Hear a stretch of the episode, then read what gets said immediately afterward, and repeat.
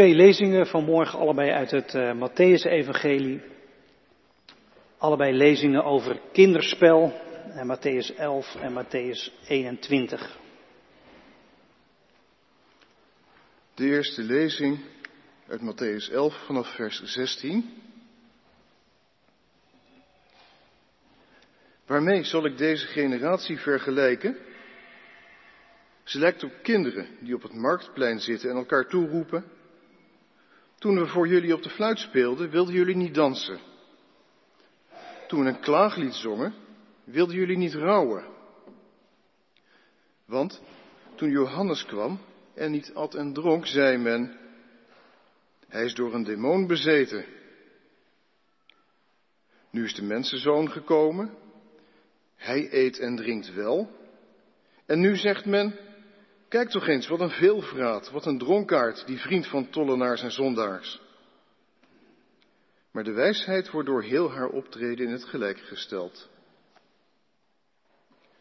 Daarop maakte hij de steden waar hij bijna al zijn wonderen hadden plaatsgevonden, het verwijt dat ze niet tot inkeer waren gekomen.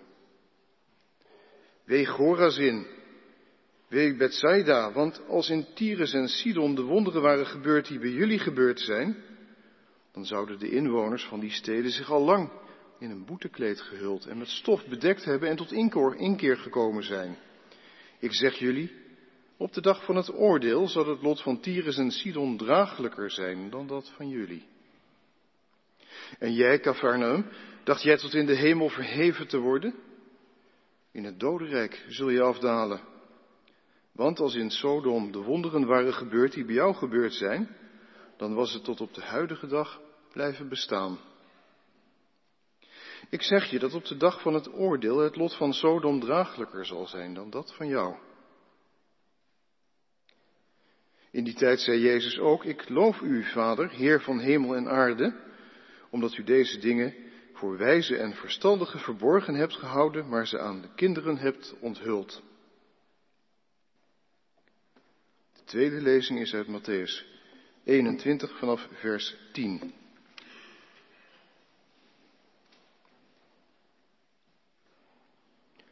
Toen hij Jeruzalem binnenging, raakte de hele stad in rep en roer. Wie is die man? wilde men weten. Uit de menigte werd geantwoord, dat is Jezus, de profeet uit Nazareth in Galilea. Jezus ging de tempel binnen en joeg iedereen weg die daar iets kocht of verkocht. Hij gooide de tafels van de geldwisselaars en de stoelen van de duivenverkopers omver en riep hun toe. Er staat geschreven, mijn huis moet een huis van gebed zijn maar jullie maken er een rovershol van. Toen kwamen er in de tempel blinden en verlamden naar hem toe en hij genas hen. De hoge priesters en de schriftgeleerden zagen welke wonderen hij verrichtte en hoorden hoe de kinderen in de tempel Hosanna voor de zoon van David riepen. En ze waren hoogst verontwaardigd. Ze vroegen hem, hoort u wat ze zeggen? En Jezus antwoordde hun, Jazeker. Hebt u dan nooit gelezen? Door de mond van kinderen en zuigelingen hebt u zich lof laten toezingen? Zo liet hij hen staan en hij ging de stad uit, naar Betanië, waar hij de nacht doorbracht.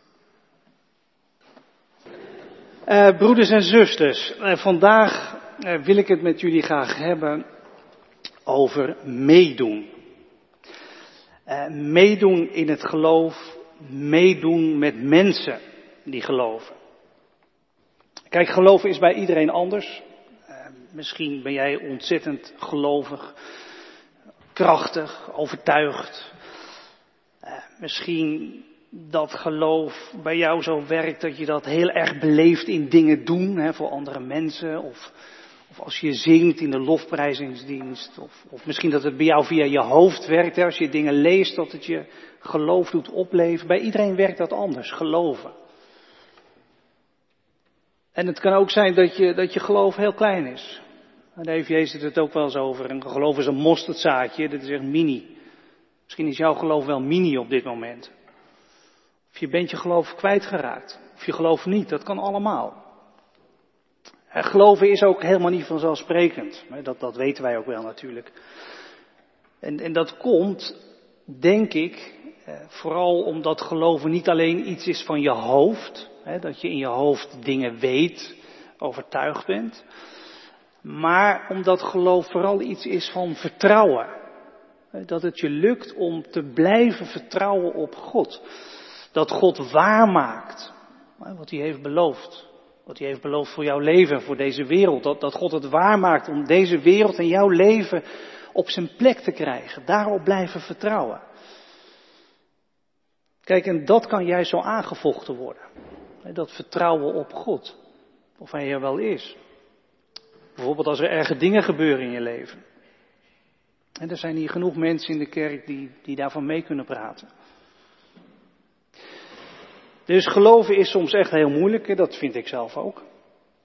Maar hoe waar dat ook is, eh, vanmorgen wil ik benadrukken dat geloven ook kinderspel is. Dat klinkt misschien een beetje gek, maar het is zo. Geloven is heel moeilijk, zeker. Maar, maar ergens is geloven ook kinderspel. Gewoon kinderspel in de zin dat het gewoon, gewoon meedoen is zoals kinderen kunnen meedoen. Daar heeft Jezus het over in de Bijbelgedeelte die wij vandaag hebben gelezen.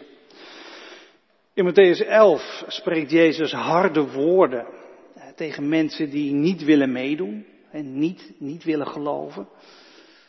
Uh, niet Jezus willen volgen. Dat zijn overigens geen mensen met een geloofscrisis of mensen die niks geloven.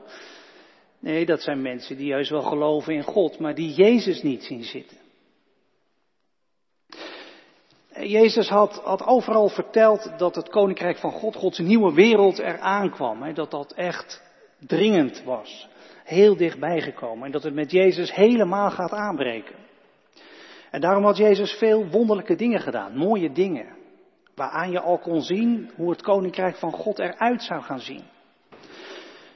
En omdat dat koninkrijk, die nieuwe wereld eraan komt, had Jezus ook hele radicale preken gehouden. In de bergreden kun je dat lezen, Matthäus 5 en verder. Want als je mee wilt doen, zegt Jezus, in die nieuwe wereld van God, dan moet je proberen om, om niet alleen meer voor jezelf te leven. En voor wat jij belangrijk vindt. Nee, zegt Jezus, probeer meer te denken aan God en voor Hem te leven. En aan Jezus. Zie in dat Hij je liefde waard is. En dat Hij van je vraagt om het goede voor anderen te zoeken. En Jezus noemt daar allemaal radicale voorbeelden. Misschien ken je ze wel. Dat als iemand jou slaat, dat je niet direct, uh, hè, maar dat je nog eens een wang toekeert. Of dat als je ruzie hebt gemaakt, dat je, dat je het bijlegt. Zo snel mogelijk. En niet tekeer gaat tegen iemand of slechte dingen gaat rondvertellen. Allemaal dat soort dingen. Of wat was wetslezing lazen, hè? dat je het licht bent van de wereld. Voor mensen in het donker. Dat je recht doet voor mensen die onrecht ondergaan. Treurende troost. Nou ja, een hele preek van Jezus, Matthäus 5 en verder. En Jezus nodigt iedereen uit, jou ook, om, om mee te doen.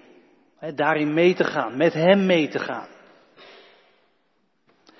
Ga mee, zegt Jezus, ga met mij mee op weg naar Gods nieuwe wereld. Doe mee, leef het uit, keer je om, zegt Jezus. Maar goed, best veel mensen in Jezus dagen, die willen dat dus niet. Waarschijnlijk zagen ze ook wel in dat, dat als je zo met Jezus meegaat en mee gaat doen, dat dat ook wel iets kost van je, heel veel zelfs. Dat het jezelf eigenlijk kost. En, en dat moet je wel willen. En misschien dachten ze ook wel dat het nog wel een beetje los zou lopen met die nieuwe wereld van God, dat dat nog wel een tijdje zou duren. Dat het niet zo dringend is om daar met je leven aan mee te doen en je om te keren. Ik weet niet hoe dat bij jou zit. Ehm, vind jij het dringend om om met Jezus mee te doen. Met Jezus werk bedoel ik in deze wereld, met Gods grote plan, waarover je in die bergreden leest, of, of zie je er niet zoveel in?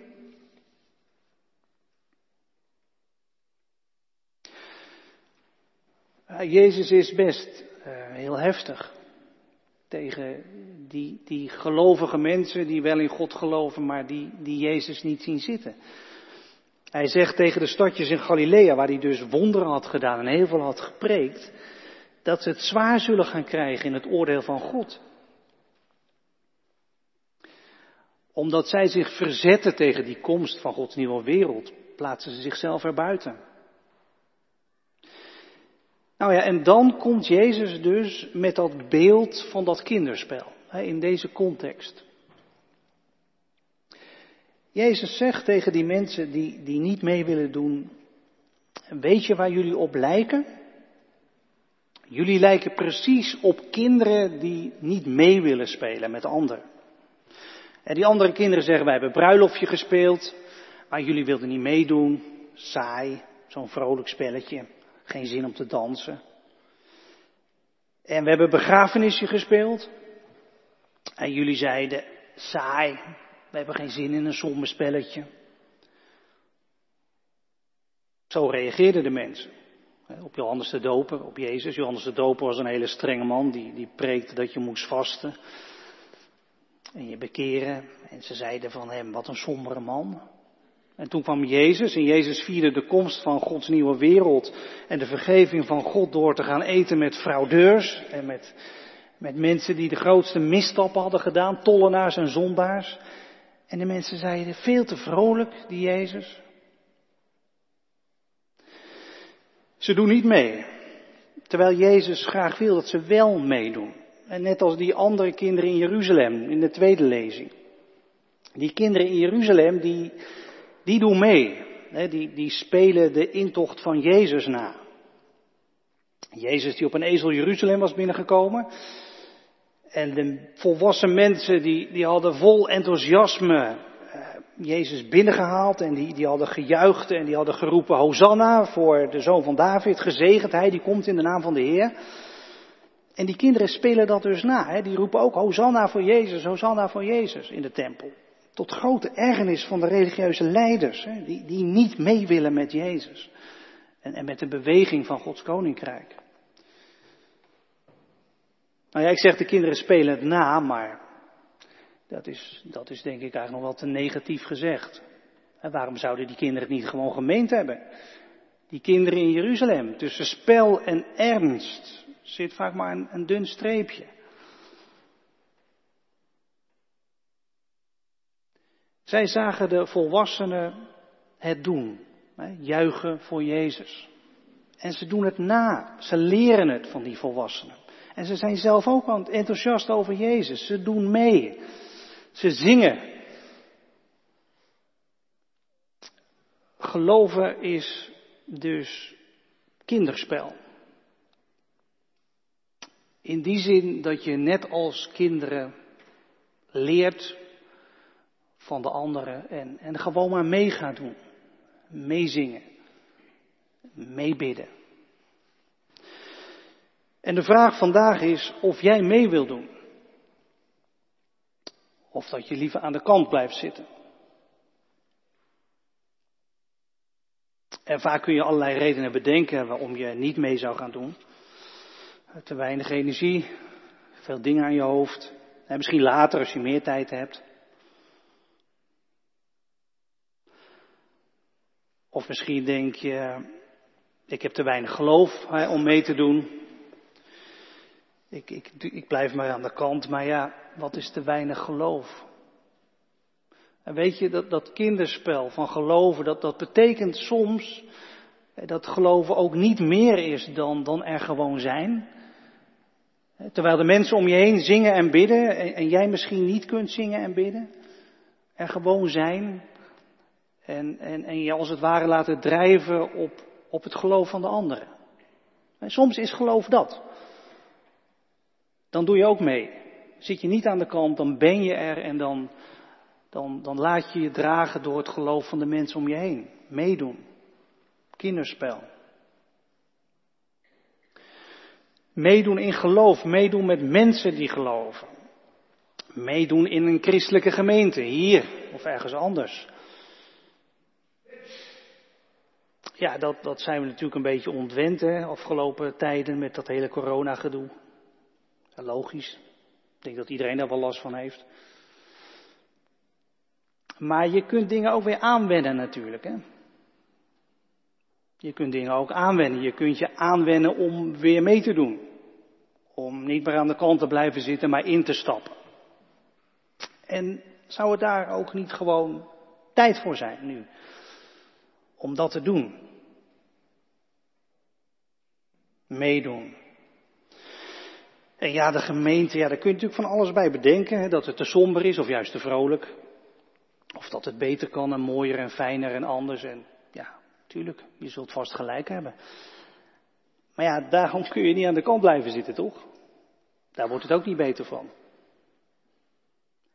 Ik zou zeggen, haak aan, doe mee en je zult zien, daar wordt het ook mooier van. En fijner en anders. In elk geval ook voor jezelf.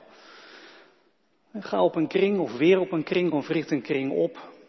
Doe ergens mee. Haak aan. Ga op de club.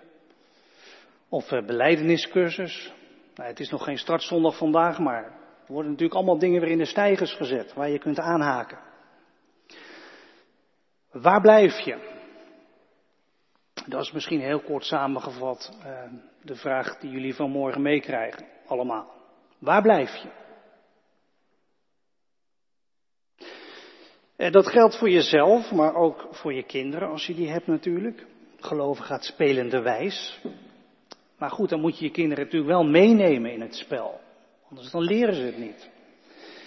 Dus dat brengt me even bij jullie, uh, Leendert en, uh, en Marijke. En vanmorgen wordt Bram gedoopt. Dat is bijzonder, doop is altijd bijzonder, maar het dopen van Bram is, is nog bijzonderder eigenlijk. Die zo'n kwetsbaar begin had. Hè. Wat hebben wij in de gemeente gebeden voor Bram? En dan wordt hij vandaag gedoopt. Een wonder, geweldig. En hij wordt gedoopt om te onderstrepen dat hij hoort bij Jezus en bij het nieuwe leven dat met Jezus aanbreekt. En jullie gaan beloven straks om hem in het spel van de gemeente te betrekken. In jullie geval wordt dat ergens in Zeeland, hè, want jullie uh, zijn net verhuisd. Maar doe dat, zou ik zeggen. Ga, ga, ga meedoen. In je gezin zelf. Leer het Bram, het spel van het geloof, maar, maar neem hem mee naar een christelijke gemeente.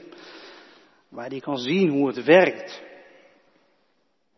En, en dat geldt natuurlijk voor, voor alle gezinnen in onze gemeente. Als je je kinderen niet meeneemt, ja, dan kunnen ze het spel van het geloof lastig leren hier natuurlijk. Je leert het thuis, natuurlijk. Maar hier kunnen ze het ook leren. In de gemeente, op de nevendienst, op de clubs, in de catechese. Dus ik zou zeggen, zorg dat je er bent met je kinderen. Doe mee. Ja, en als ze ouder worden, dan wordt het lastiger. Ja, dat weet ik ook wel. Ja.